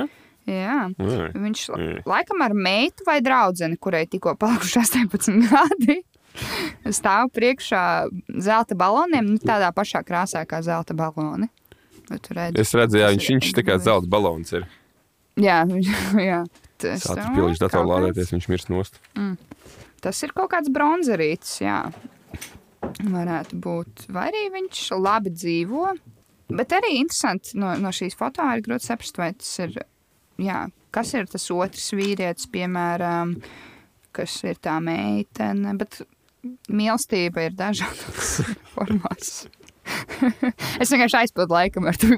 Viņš jā, uz savas meitas tehniku izlaidumā aizgājis arī. 18. dzimšanas diena, bet es, es saku, es nebūtu tik. Uh, tik krāsa savos pieņēmumos, ka es teiktu, tā ir meita. Es pieņēmu, varbūt, varbūt arī draudzene vai māsa. Mās... Vai... Māsa. Māsas draudzene. Vienalga, bet nu, daudz laimes viņai dzimšanas dienā. Mums nav podkāstu teicinās. Uh, Arthurs raksta domas par 13 mēnešu kalendāru. Mārtiņa, varbūt, tas ir kaut kas jauns. Es nezinu, es neesmu pat neko dzirdējis. Ir, ir pulsi šim. 360, tur sanāk kaut kāds. Ja tas kaut kā maina manu vecumu, ka es būtu jaunāk, pēc, tad jā. A, Tad es kam tev? Visu par. Nu, lai nav tas uh, sabiedrības nosodījums, ka es nedzīvoju kā 30 gadus sieviete. Bet vai arī man vajadzētu strādāt ar sevi un nelaiž šīs domas savā galvā? Tā arī. Es neredzu, Um. ir kaut kāda, nezinu, varbūt. Šis, jā, pat 13 Es esmu- algas izklausās labāk nekā 12 algas, ne? Jā, jā. Jā, bet es esmu laikam pārāk konservatīva šai idejai. Mēs tomēr 12 mēnešu kalendārs ir bijusi tradīcija. Tik ilgi. Ka es, es ļoti esmu pret, ka kaut ko tādu maina. Man tagad tieši ienāca prātā, es ā, kaut kad skatījos Wikipēdijas šķirkli, šķirkli Šķirkli, jā. par Rīgu, un Rīgā notika kalendāra nemieri. Es varu iedomāties, tāpēc, ka krieviem bija citādāk. nu, ka mainījās kalendārs. Un, protams, ka mūsu tūdeļiņi jau neies pēc Romas kalendāra dzīvot, vai kādu tur piedāvā. Protams. Tā ir Romā tā slauka dibena ar, ar puļķi. Kā tā var dzīvot? Bet mums jau arī būtu nemieri, ja cilvēkiem pateikt, ka ir 13. mēnesis. Nu, paļubomu. Protams, mums ir nemieru par to, ka cilvēki grib četras dienas tikai strādāt. Jūs slinki! Nu, tā ir četras Jā, jā, jā, bet diena. t- kaut kā, bet ā, kāda huīra aizņemts? Nu, es- nu, kā, nu, ja tev jānostrādā tik un tev maksā, samaksā par stundu, nu, strādā kaut kādas 6 stundas, tad atrod darba devēju, kurš to ņem darbā uz tām 6 stundām. Tieši tā. Jo manā darbā es zinu, ka tas nozīmētu, ka man vienkārši ir jāstrādā vairāk tajās pārējās dienās. Tur nebūs tā kā kaut kā vieglāk, ka nekas. man, es tā iztēlojos. Um, Mādara raksta, vai jūs Patreon skatīsieties jauno kemperu sezonu? Un Līga raksta, ka Mīla, Mīlas kemperī komandai pievienojies arī Inters Busuls, kurš ar savu samtēnu no tembra būs dzirdams kā aizkadra balss. Nu, es noteikti domāju, ka mēs varētu kaut kad Interam sākt jāuzraksta atbalstošs vārds, ka viņam tāda raza jāskatās. Jā, sūtiet visu savu mīl, mīlošo enerģiju Intera virzienā. Noteikti šajā sakarā. Nu, es Hujova, ka šī tāda projekta jāpieņem. Ir. Jā. Tur, man liekas, ka šajā sezonā ir rītīgi haivaks. Bet es, es gribu skatīties, jā, mums tikai ir jāizdomā tā loģistika. Es nezinu, vai, vai Roberts mums pateiks, kad vai, kad vai, vai viņš būs atpakaļ, lai mēs varam tālāk tā kā, darīt, plānot. Bet, nu, tā jau redzēs, varbūt Muhameds atnāks pie kalna. Jānis raksta, jūsu slepenā biznesa ideja, ko saprotat, ka nekad neīstenosiet. To jau tagad var pastāstīt klausītājiem. Hm. Noteikti tāda jau ir. Es tikai iedomājos, ka aplikācija vai, vai uz kompjutora programma, kas uztaisa bildi katru reizi, kad kāds ielogojās vai atbloķē. Nu, Tas tādam rītīgi, tādam, tādam nu, pa, nevis pa, uh, paranoiskam, jā, paranoiskam Jā, cilvēkam. paranoiski. Ok. Es domāju, būtu tirgus, ne? Un gan jau, ka tāda aplikācija ir 66 variantos jau izdomāta. Bet tev, tu, tu esi tik naivs, ka domā, ka tavs telefons nefotografē tev katru reizi jāatslēdz. lai varētu trekot, kā, kā mainās tava seja, lai tur, es nezinu, kaut ko pārdotu tev. Ugh, izstāsta, ka Mārtiņam kaut kas tur mazliet tāds sausa, tajos bārdus matos. Varbūt jāiemet kāda reklāma kremiņam. Varētu būt interesanti. Mana lielā ideja, es ceru, ka es vēl varēšu īstenot, bija um, zupu takeaway restorāns. Tā kā, kā, cilvēks staigā ar Starbucksiem, it īpaši tādā milzīgā pilsētā kā Edinburga. Es nezinu, kā Latvijā ir tā ar to kafijas kultūru, protams, tiem zemniekiem. Bet es biju izdomājis tādu, ka zupas tev. Ka tu, tu es tirgotu zupas, piemēram, kaut kādas 20 dažādas zupas katru dienu, vai ne? Un tas ir droši vien aktuālāks uh, ziemā. Rudens, ziema, agrs pavasaris būtu mans lokus. Man darbinieki būtu ļoti apmierināti, jo viņiem vasara ir brīva, piemēram.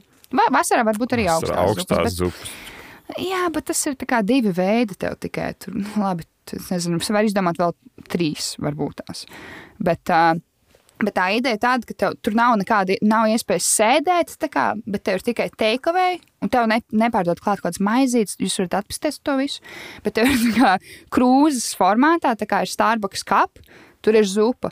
Un tu ej, un tā kā tu vari sipot savu zupu. Jo man ļoti garšo zupa, man liekas, ka zi- ziemā zupa ir. Bet, protams, tai būtu jābūt tā kā biezzupai. Jo tu nevari tā kā kartupeli sūkt tā cauri. Watch me. Bet uh, man kolēģi teica, ka tā, bija ļoti, tā būtu ļoti laba ideja, un uh, mēs strādājam pie šī. Jā. Tā kā fast, fast, fast foods, bet zupa. Mhm. Es redzu, ka tu arī parasti Jā. varētu tirgot, jo tādu buļbuļsāļu, Jā, kādu es taisu, var darīt. Tieši tā. Ņujorkā, visās tā pilsētās, kur ir tā kā augstas ziemas. Jā, bet uh, nepaies ne varbūt 15 gadi, un pie tavām durvīm jau jaunieši sāks uh, līmēt sevi klāt un nomētāt ar uh, dārziņiem. Bet tur ļoti labi, kā tu vari. Zupa ir tāds ēdiens, kas var būt kā vegetārs un, un vegāns. Tā kā tik īsi. nu, viņš varēja, varbūt, bet viņš nav ēdams vairs. Okay. labi. Ance Tārvida raksta, ja cilvēki neredz gaisu vai zivs, spēj redzēt ūdeni, un kas ir apka apkaunojošāks kalkulārā. Bļaļ, un kas ir apka apkaunojošāks kalkulatorā vadīt datu, vadīt to datu vēsturi vai interneta brauzeru vēsturi? Tā, tad uh, pirmais gaiss. Domāju, ka zivs neredz ūdeni. Es domāju, ka viņas redz netīru ūdeni. Net. Bet tad jau viņas redz netīrums, nevis ūdeni. Bet mēs arī neredzam ūdeni, ja mēs esam iekšā ūdenī. Jā, nu, tehniski netīrums, bet nu, mēs jau gaisā redzam netīrumu, smiglu un visādas drāzes un ir. Šis, jā, šis jautājums kādam, kas kaut ko jādz. Bet par to, par to historiju noteikti tā, tā kā sērču historijas būtu trakāks. Jā, Nekā. noteikti. Es arī ļoti, ļoti aktīvi, man sērču historijā ir mans Google Chrome ir mans kalkulators, es vadu iekšā sērčā un viņš man Ah. met ārā un es, jā. Ah, ok. Nu jā, es, es darbā daudz kā kalkulatoru izmantoju. Vienkārši tā kā, ja man ir recepte, man vajag divas reizes to, tad pat ja es zinu, Jā, Um, um, tieši cik tas ir, es vienkārši pārliecinos, Jā. ka ir lietas, kur tev vajag. nu, tu tomēr darbā var zināt. nogalināt cilvēks. Jā, kā jau mēs zinām, tad man paslīd kāja riekstu traukā. Uh, Laura raksta, kas ir tā aplikācija vietālu runī, kuru pēdējā laikā neizmantojat, bet spītīgi nedzēšat, jo ja nu kādreiz vajadzēs. Hm. Es eju skatīties. Es arī skatos. Um, man ir Filmika Pro, bet tas ir tāpēc, ka es citreiz braucu filmēt kaut kur, bet, bet tas pēdējā laikā ir reti. Un tur man ir jāizmanto tā aplikācija, par kuras es samaksāju naudu. Jā, pārējais man laikam vajag. Es aktīvi dzēšu. Man ir baltas apdrošināšana. Tā ir, ka es viņu izmantošu aktīvāk kā iepriekš savas polises. Tur ir kaut kāda, ja tu ej pie zobārsta, tad viņiem parāda aplikāciju vai ko. Da, hui, es nezinu, lai viņi ir. Tas ir sarežģīti. Ļoti labi. Um, Oskars raksta, ka cīgām cenas atkal paceltas. Ir kāds punktiņš, točka, kur var normāls cīgas dabūt lētāk, vai, vai sūkāt ledens un mēģināt atvest. Tika mēs esam tas pie kā Ā, griežās. Tas centrāls, tā, nu, tajā tirgu, ne? Centrāla tirgu. tā kā Jā, tur visu laiku ir cigareti, cigareti. Atrodi galu un tad jau pats savu točku jau- atver vaļā un, un jau cīgas tik dārgas ir. Mm? Tieši tā, tad telegrams nav. Sāc saltot, kamēr vēl var. Tas es kā leģit saprotu, ka tas tipa iet iekšā. Es redzēju arī reditā, ķipa Latvi, Latvijas reditā, ka kaut kāds lietuvietis bija rakstīts, ka viņiem ir aizliegts. Kā garšiņas vai paši salti? Mm -hmm, garšiņas, un tā viņš prasīja, interesējās, par, tā kā mums būs pieplūdums ar, ar lietuviškām, kas nāk pirkt. Mm -hmm. Bet tas, ka vienkārši nokačā telegramu, ka man vecīt saņemies. Bet inčīgi, ka tajos telegramos es neesmu redzējis, ka kāds cīgas tirgot. Tas ir laika jautājums. Vai Nē, vienkārši turēt rokas pulsu? es, ne, es neesmu redzējis, jūs neesmu telegramu baigākties lietotājs. Viņš ir. Tas ir Es ar viņu mm. ļoti uz jūsu. pārāk daudz notifikācijas nāk, nepatīk, es izdzēsu. Nahuj, blēd. Rimāns raksta Iron Brew vai Limpo limonādi, un jūs rakstat, they're the same. Um, es ļoti atvainojos, bet šī ir reāla skot, Skotijas zākāšana. Un, uh, jūs, šis ir pirmais brīdinājums, bet nākošais jūs izdzēsīšu nahuj no grupas. Paldies! Tas ir tas inbrū. Aina Brūja ir uh, skota tā kā nacionāla limonāde. Vai viņš ir viņai kaut cik tā kā mūsu limpo, bet kādreizējais limpo Nē, saldējs. viņai- limpo. Nē, viņa ir tāda jocīga piegarša. Es nezinu, no kā viņa taisa, jo tā recepte ir noslēpums un šeit un tā tālāk. Bet jā, es arī viņu tā kā regulāri nedzeru, bet šādi tad viņai ir kaut kāda savādāka garša. Nekā pie līmpo, kā tu uzdrošinies. Es Man skatos tās- uz jums, kā vienkārši turēšu. Viņai ir kaut kas īpašs tajā limonādē.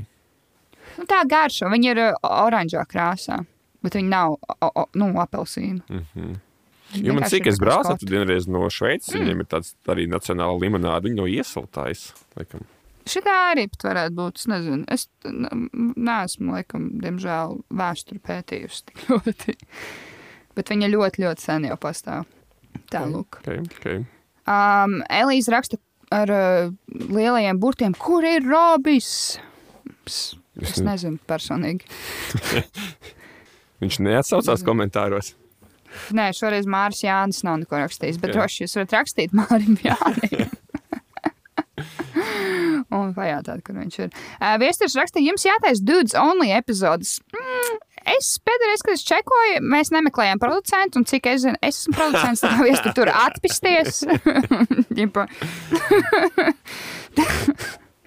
Dudes only. Uh, what is it about chicks, huh? es jau arī varu. Mēs jau Mierīgi. tajā pašā epizodes beigās pušosim kaut kādas supplementus. Jā, jo es tieši tā kā runāju par, par sarkanās gaļas ēšanu, tad es beigās jau kaut kādu savu proteīnu šeiku varētu tirgot. Un tad es man O. čagas tējas pulverīši. Bet, jā, ko tu domā par, savu, par to savu mašīnu, vai ne? Riepas un šit raids. Redzēju, ko Bitcoin šonadēļ dara. Uf, trakas lietas, svečuku. Ew! This hits home! Es, es cenšos vienkārši uzrunāt Trāpīts mūsu grimst. testorā, testorānainos klausītājus. Spērmas buļļas, kas mums klausās. Tas boļi. Ļoti labi. Uh, Mārtai vēl viens jautājums par Mīla Kemperiju. Ko sagaidāt no Mīla Kemperija jaunās sezonas, kurā piedalīsies Jāna Brūk? No, es domāju, ka būs seksīgi. Tur arī rakstīts, ka šovā būs viss arī seks. Mm. mm.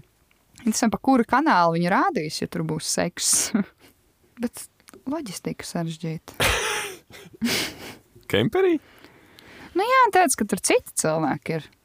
Ne? No operators viens. Nu. Nu, es nevaru sagaidīt. Nu, es ceru, ka šī būs kliedzošāka par, par, par iepriekšējā. Manuprāt, iepriekšējā bija tiešām garlaicīga tie dalībnieki. Ne? Viņi bija awkward daudz. Jā. Šeit, šeit Jā. man liekas, jaunieši vairāk uz uzmanības meklēšanu dodas. Jā, Tas jā. varētu, un viņi būs gatavi darīt stulbākas lietas kā ierasts. Cerams, cerēsim uz to. Marta, interesanti tieši. Laikam, pa astrāli bija klausījusies jau šo epizodi mm. pirms izlaišanas. Viņa raksta, vai mēs esam pelnījuši un vai mums vajag četru darbu dienu nedēļu. Nu, es jau teicu, mīnus. Tāpat tās darīs to pašu darbu. Strādās divas reizes piekdienā. Nē, nu, tās stundas jau paliks tikpat. Nu, te jau par stundām samaksās. Nu, jā, tur jau tā lieta, bet, tad, pa, manuprāt, es nezinu, man personīgi liekas, ka tu paliec tāpat muļķu lomā, jo tev būs tās pašas stundas, tev būs tikai vairāk jāizdara tajās stundās. Tip, lai, lai būtu vērtīgi tā pēdējā diena, es nezinu. Vajag vienkārši vienu dienu, vajag obligāti, kad no mājām var strādāt. Nu, š- jo šis tik un tā attieksies tikai uz oficiniekiem.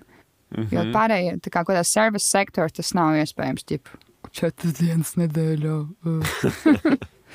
Četras, nu jā, whatever. Uh, Kristaps raksta, kad būtu īstais laiks pavasarim? Es teiktu, ka vakar. Vakar, jā. Jā, no vakardienas varētu būt. Jo ātrāk, uzreiz pēc Ziemassvētkiem, nav ko pisties. Ja, jo, ja mēs izstiepjam Ziemassvētku laiku, kā ka viņš ir no novembra jau, ja ne no oktobra beigām, tad kāpēc mums vajag vēl tos divus ekstra mēnešus, kas ir ziema? Tieši tā, nepraktiski. Savāciet viņus. Kristīna raksta, ko jūs domājat par mīļoto pelnu pārvēršanu diamantos? Nu, tas ir, ka ir tāda cik ļoti atmulstīsties. Nē, nē, nē, es- kur uh, cilvēki tā kā Uh, ir valstis, kur, piemēram, krēmē cilvēks daudz vairāk nekā Latvijā, jo Latvijā mums ir tā kā kapu kultūra vēl ļoti izplatīta un tā tālāk. Whatever tradīcijas, tradīcijas. Bet ir, uh, ir tādi uzņēmumi, kas kā, tos pelnus tā vietā, lai nu, kā, tu vari, ir dažādas lietas, ko tu vari darīt ar pelniem. Tur viņš turēt uz uh, plauktā, tu vari izkaisīt kaut kur, kur nelaiķis ir vēlējies, vai arī tu vari kaut kāds, ir kaut kāds process, ka viņi pataisa to, tos pelnus par uh, dimantiem, vai, vai tu vari tādā mazā ķipa, tūbiņā ielikt, vai gredzenā, vai ko tam līdzīgi. Man patīk šī ideja, un es plānoju tā darīt ar savu māti. Ok, nebūs lētāk nopirkt vienkārši gabaliņu akmeni, nu, dimantu. Čipa vienkārši nosaukt viņu par māti. Nē, tas nav tas. Vai arī paņemt pēdējo vailu no viņas asinis. Tu nebija čekojies, cik šāds prieks maksā? Ā, nē, bet es tev varu paskatīties. Jo ir dažādi, ir piemēram tādi, kas uh, stāda kokus, mm. -hmm. ir kaut kāda arī prikoli. Es nezinu, ko tu par to domā, kamēr es meklēju. Um, man tā ideja par to koku stādīšanu liktos uh, ja man būtu savs rančo. Mm -hmm. Tā kā dzimtas un šeit. Tad, tad tā ideja vēl varētu būt ok, bet savādāk es nezinu. Pelnus un pelnus kaut kur izber, aizmirst. Lai par mani runā darbiņi, nevis burka plauktā. Bet man vienkārši kaut kāds tāds, laikam, tāds sentimentāls liekas. Nu, kaut gan man ir jau tā kā tetovējums gan ar tēvu un māti.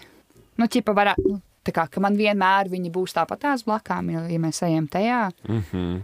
Um, bet, uh, Bet tagad, man jau kaut var paņemt asinis no mātes pēdējās, un būt, nu, tā kā vailā ieliet, un, un tad vienmēr Jā, un arī un kaklā, jā. tas- Bet asins man liekas kaut kāds tāds bišķiņš trakāks. Nu, rekur ir, ķipa, piemēram, kakla rotiņa, nu, tā kā pendants ir rekur ļoti lēts, starp citu, no Pagaid. 160. Lūdzu, piedod, Nu. Anī pienāk pie gultas ar šķirts mātes, piedod, ir laiks. Kā, tas būs darkest way, kā tu varētu uzzināt, ka tev ārsts ir iedevis tā kā maz laika.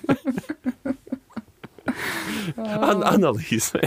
Analīze. Var jau sarunāt big, big scam ar, ar māsiņu. Paņem visu no jums. Es viņu paskaidroju to te māsu. jā, jā. Nu, Um, ir, ir pat 200 poundiem var dabūt uh, lēti? kakla rotiņā. Jā, rekur no sunīša var uztaisīt arī uh, 220 poundi. Nav tik dārgi nemaz. Es saku, šis jau, tāpēc, ka šis ir ļoti populāri jau feature, ko darīt. Un arī tas, ka, ķipā, tev jau nav jāizmanto visi tie pelni. Nu, kā, ja tev siblingi ir, ķipa, pret to, tad, tā kā... ja paņem tu- tikai pirkstu.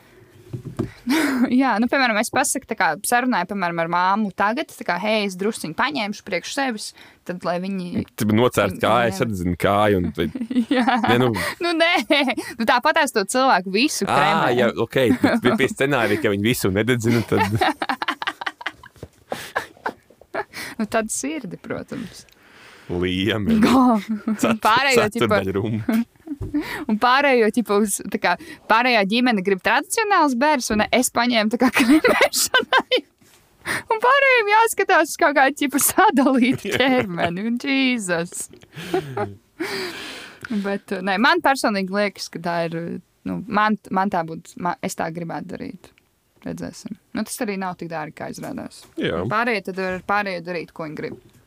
Arī kā, varbūt ko, ko nelaiķis vēlējās. varbūt respektēsim to personu pirmo. Um, ejam tālāk. Antra jautā, interesanti, ka uzreiz pēc šīs tēmas mana māma uzdod jautājumu. Viņa saka, kā izkļūt no vāveres riteņa. Mēs esam eksperti šajā jautājumā. Es teiktu, nosp nošpļauties un. un Es iet darīt, ieteiktu psihedēliju pamēģināt. Hei. O, Ja pašpalīdzības grāmatas nav līdzējušas, ja jūs pašpalīdzības grāmatas. Dēm. Nu, labi. Sēnes. Kam jau, kam jau palīdz? Jā, īstenībā man pēdējais laiks, kad tu pamēģinātu psihedēliju. Ja tad, ja viņi pamēģinātu, tad es varbūt justos drošāk, ka es arī pamēģināšu kaut kad. Bet es arī droši vien nogaidītu līdz viņas vecumam. Līdz ir par vēlu. neesmu, Nekad nav Nu, par vēlu. es, es neesmu sasniegusi tādu pārliecības līmeni. vēl. Es daudz gudrības esmu iemācījusies, bet es neesmu vēl droša. Tā varētu teikt. Um, okay, un pēdējais jautājums. Lēlda raksta, kā jums ir finanšu pratība? Un tas ir jautājums, kas pacēlās uh, sakarā ar tēmu par, par nabagiem un ko mēs uzskatām par nabadzīgiem cilvēkiem. Kā tu vērtē savu finanšu pratību, Mārtiņ? Es esmu ļoti pārsteigts, cik man tomēr praksē ir ok, lai kā man liekas, ka nav ok, tad tas tomēr nu, dienas beigās ir ok. Jā. Bet man, man kaut kā visu laiku es sev arī džudžoju par saviem tēriņiem, pirkumiem. Un, mm. kā, tas laikam labi ir, ka es sev tur ļoti grožos. Lai arī brīžiem liekas, ka nē. Nu, varbūt tāda vidusceļa kaut kā tomēr tāda nebūtu ļoti slikts pret sevi. Bet, uh, tas, tas ir labi, ka tu māki. Jo ma, esmu tieši pretēji. Es uzskatu, ka man ļoti slikta finanšu pratība. Un, kā ir tā, ir es strādāju pie tā. Es cenšos. Es plānot. vispār neģeģoju tā, ka Nu, man ir viss tā kā ģenerāli tā kā maksājumi nomaksāt un tam līdzīgi. Vienkārši tā kā man citreiz ir tā, ka es domāju pie sevis, blē, es tik daudz un tik dirsās Mhm. smagi strādāju, ka es tā kā jūtos nopelnījusi sev kaut kādas huīņas nopirkt. Nu. Jep. Bet nav arī tā, ka es pērku pilnīgas huīņas, jo es arī sevi apstādinu. Un uh, rediģēju savus groziņus. Tā kā es pirmkārt nopirkšu to, ko man tiešām vajag, un tad es vēl padomāšu, okay, vai man vajag šo. Un te ir tā kā krūta feature, ka, piemēram, kādā asusā vai vēl kaut ko tu vari uh, uztaisīt sev lielāku pirkumu un maksāt kā četrās daļās. Mm -hmm. Pēc kā divām nedēļām tā kā nav tik uh, uzreiz tā kā blieziens. Un tad, ja, tu, ja es tā daru ik pēc kādiem dažiem mēneši, mēnešiem, tad kaut kā strādāju pie tā. Nezinu. ja man. Es vienkārši Nu, nu, Nu. Turpin. Nē, nu es vienkārši uzskatu, ka es esmu pelnījusi dzīvot labāk. Es gribu būt princese. Tieši tā mēs tev esam uh, bagāti bērniņi, nabaga ķermeņos. Jā, tieši tā. Mūsu samainīgi bērnam. Jā, tieši tā. Piedod, vecāki. tā vienkārši ir. Bet, ja skatoties, Ko- kāds man teikt, ka es pārdzīvošu visus šos ātrā kredītu laikus un visu to mm. tas naudas pieejamību bez, bez tādiem rīktīgi stulbiem lēmumiem, es, es būtu pārsteigts. Es Jā, esi neticētu. malcis tajā ziņā. Es izlavierēju kaut kā tam visam cauri. Mm. Tas, tas tiešām ir apsveicami, Anstli. Jā, tas ir dirsā.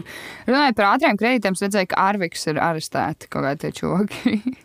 Bet tie ir kaut kādi konkurenti varētu- gaņi, jau tas jau pēc konkurences pirksta izklausās. jā kaut kāda izrēķināšanās noteikti. Vai arī tas ir vienkārši eh, plo, daļa no plota tai filmai. Bet es par tiem arvikiem tā aizdomājos. Nu, idejas, kas saprotu, ka tie visi ir nu, bijušie cietumnieki, kas ar ļoti apšaubāmām metodēm atgūst tavus līdzekļus. Bet, kad es saprotu, to, ka tā atslēga, atslēgas vārds ir atgūst manus līdzekļus, tas liekas uzreiz bišķi. Mm. Nu, tā ir viņi ir tādi kā sanitāri. Kad ir tie galējie gadījumi, kad neviens, nu, kad ir tāda nekaunība, ka tev tos līdzekļus neatdod, nu, tad šie kungi aizies un Nē, protams, protams. es nezinu. protams. Es Bet es, eh, es ceru, ka viņi nestrādā ar kaut kādiem blištiem bombu kompānijām, kur reāli ir tipa maitas putni. À, ķipa, tā, tas es, es jau domāju, ka tu, tu pie viņiem aizēji ar parādzīmi. Viņiem jau būs vienalga, no kurienes tu to parādzīmi nopircis, mm. no kuras bombuļu kompānijas. Okay. Nu, ka tie, tie Nu, tiešām jā, ir sanitāri. Viņi nu, nešķiros. Nu, Nu, tieši, Viņš ēdīs, kas uz zemes mētājas. Protams. ok, labi. Nu, tas šodien no klausītāju jautājumiem viss. Es patiesībā esmu diezgan pārsteigts, ka mums sanāca tik gara epizode Jā. kopā. Mm. Um, veco labo laiku vārdā. Um, noteikti es novērtēju šo sarunu. Ja vien tev nav ko piebilst, ka mēs varam beigt. Nē, man ir, man ir viss. Ir Paldies. Lielas paldies, klausītāji. Mani saplamentiņi aknām būs uh, lejā descriptionā, un Mārtiņa čāgas tējas pulveri arī. Kā Atlaides arī kodiņš, Matejs, desmit. trīs- Man ir arī uh, 30 minūšu vingrinājumu video klipi manā Instagram profilā. Kegelīši, kur filmē tavu seju, kā viņi saspringst un atslābst. Kegelīši, jā, un arī vīriešiem tieši tā kā mēs trenējam, kā celt lietas ar pīmpi. Tālūk. Paldies, ka klausījāties. Paldies tev, Mārtiņ, un tiekamies nākošajā eitanāzijas epizodē. Visu gaišu! Čau! Čau!